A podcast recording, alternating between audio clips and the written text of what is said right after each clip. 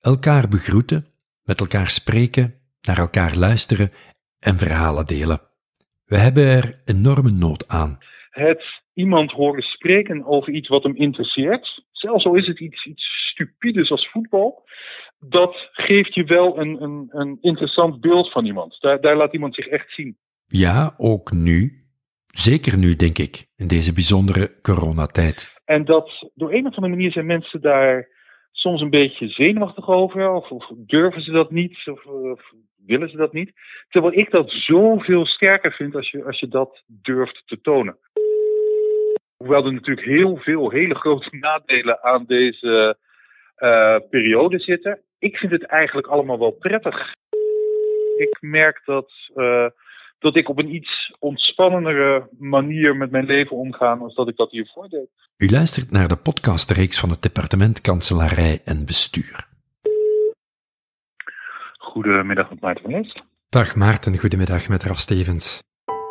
Hey Raf, hallo. Ik bel met enkele collega's van jullie.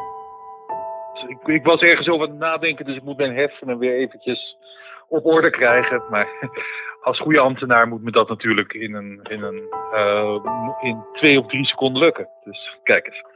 Deze podcastreeks kreeg als naam Verbonden door Verhalen. Want wij geloven dat onderlinge verbondenheid gestimuleerd kan worden door het georganiseerd uitwisselen van verhalen. Uh, ik heet dus Maarten van Lees. In deze podcast hoor je hoe je collega's vandaag leven en werken. Ik werk sinds een jaar of drie, vier bij het departement Kanselarij en Bestuur. Daarvoor zat ik bij het, uh, wat toen nog heette, departement Leefmilieu, Natuur en Energie. Um, en zoals je ongetwijfeld hoort, kwam ik daarvoor uit het beloofde land in het noorden. Uh, privé ben ik een, uh, een gelukkige man van, hoe oud ben ik? 44. Uh, die het lieve Belgische meisje die mij uit het noorden heeft verleid om hier naartoe te gaan, daar nu tien jaar mee getrouwd ben. Dus dat was ook een goede keuze. luister ik naar een hoop erg goede, maar erg agressieve muziek. Kijk, um, er zijn al sinds een goede 30, 40 jaar een hoop mannen en opvallend weinig vrouwen die met lang haar en uh, luide gitaren uitleggen wat ze van de wereld vinden. En daar ben ik op mijn vijftiende verliefd op geworden. En dat betekent nu dat hier een cd-collectie van een goede 6000 cd's staat. Dat ik in mijn vrije tijd nog wel journalist wil spelen voor Rock Tribune. Wat het grootste, maar ook het enige uh, echte muziekmagazine van België is. En dat ik uh, vaak op kantoor rondloop met zwarte t-shirtjes met daar de meest afgrijzelijke doodshoofd op. Uh, ik luister in deze periode veel meer muziek als dat ik dat uh, hiervoor deed. Ik zit natuurlijk meer thuis en dan uh, is het wat makkelijker om, om eens iets op te zetten. En ook breekt het een beetje het alleen maar werken of tv kijken. Dus ik, ik ben mijn muziekverzameling opvallend aan het herontdekken. of daar levenslessen in zitten, dat gaat misschien een stap ver. Maar het, het is wel een belangrijk, het is een belangrijk deel van mijn pot, zou maar zeggen.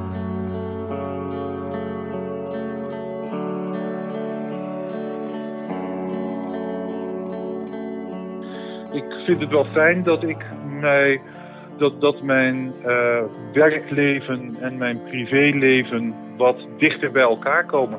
Ik heb het, ik heb in mijn overstap van Nederland naar België heb ik het altijd vreemd gevonden hoe binnen de Vlaamse overheid werk en privé zeer gescheiden wordt. Het, het, uh, het spreken over je privéleven en over kinderen en over uh, collega's bij elkaar op de vloer hebben dat is in Nederland veel normaler als dat dat uh, hier is. En nu, als je iemand aan het, als je met iemand aan het skypen bent of via uh, meetings ziet en daar zijn kinderen in de achtergrond of daar komt een uh, hond op schoot springen of dat soort zaken. Dat vind ik, een, een dat vind ik leuker. en ook um, het feit dat ik nu minder schaamte voel om om tien uur eventjes koffie te gaan drinken met mijn vrouw en dan even een half uurtje langer door te werken. Vind ik ook een prettige omgeving.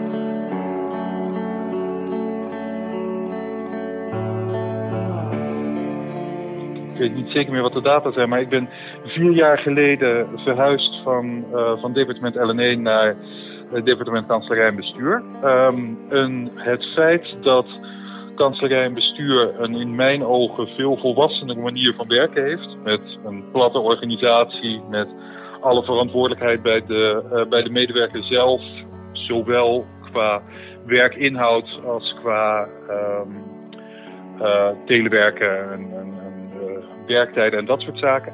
Die werkwijze van, van uh, kansvrij bestuur vind ik ongelooflijk waardevol. Dat is waar ik, waar ik mij in thuis voel. Waar, waar ik merk dat ik me bij het departement LNE acht jaar enigszins tegen, me heb, tegen heb uh, gevochten. Want dat, dat, dat vond ik kinderachtig. Ik, ik had daar het gevoel, omdat ik daar op bepaalde momenten moest zijn en, en telewerk altijd een beetje moeilijk was. En, en, als je gaat lunchen moet je wel uitprikken en allemaal van dat soort dingen. Dat, dat, dat kwam mij heel kinderachtig over. En de volwassen manier die uh, Martijn binnen DKB heeft, uh, heeft georganiseerd, ja, maakt dat mensen zoals ik daar naartoe komen. En ik, ik heb ook in mijn eerste ontmoetingsgesprek met onze nieuwe baas, met, met Julie, aangegeven dat ik dat een van de meest waardevolle zaken vind zonde zou vinden als die uh, verdwijnen na onze fusie. Ik vind het heel erg gezond als wij ons, uh, zowel als kanselier en bestuur als als buitenlandse zaken, eventjes bezinnen op oké, en hoe willen wij er gezamenlijk uit gaan zien. Dus ik, ik, ik vind dat even pauze nemen, kijken wat we goed doen en slecht doen en waar we, waar we een stap in door kunnen gaan, dat is een zeer positieve. Um, deze crisis maakt dat aan de ene kant meer mogelijk, omdat de agenda's wat leger zijn. Aan de andere kant maakt deze crisis dat ook veel moeilijker, omdat zowel ambtelijk, maar voornamelijk politiek, uh, er natuurlijk een zeer zware druk ligt om een idee te hebben hoe wij post-corona moeten gaan werken. En dat het dan heel vanzelfsprekend is om de, besta de, de oude bestaande manier van werken en dossiers en, en uh, doelstellingen weer op te pakken en zo snel mogelijk weer in plaats te laten krijgen. Welke, welke muziek heb je recent opgezet, Maarten? Wat, wat past nu bij, bij, bij je gemoedstoestand de laatste dagen? Even kijken hoor. Um, ja, dat, dat is een beetje vertekend. Ik heb, um, ik heb redelijk wat black metal uh, gedraaid. Dat is de meest onvriendelijke Noorwegen. Uh, alles moet kapot en de duivel komt eraan uh, soort muziek. Maar dat is omdat ik ook een boek erover aan het lezen ben. En dan, dan blijft het een beetje bij elkaar.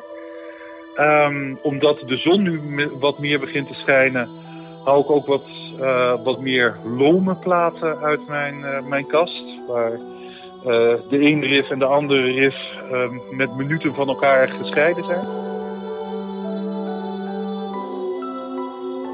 Lome metalmuziek. de Engelse band My Dying Bride heeft pas een nieuwe plaat uitgebracht. Die ongelooflijk mooi, ongelooflijk treurig en zeer traag loopt. Dat is een.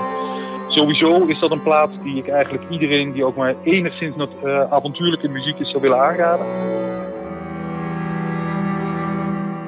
Het is uh, je verliezen in de schoonheid. Het is zo meeslepend, zo het, het, het is zwaar, maar dat zware is ook rustgevend op een of andere manier.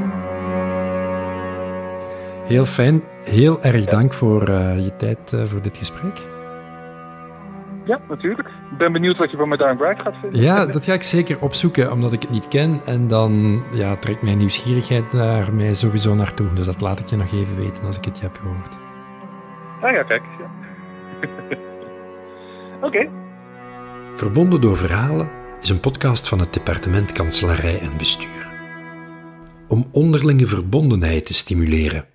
Deze podcast is ook een uitnodiging om jouw verhaal te vertellen, om jouw ervaringen vanuit het ondertussen met mij en dus met al je collega's te delen. Neem hiervoor contact op met Stefan Marchand. Hij coördineert dit verhalenproject. Voor nu, alvast dank om te luisteren en tot een volgende aflevering.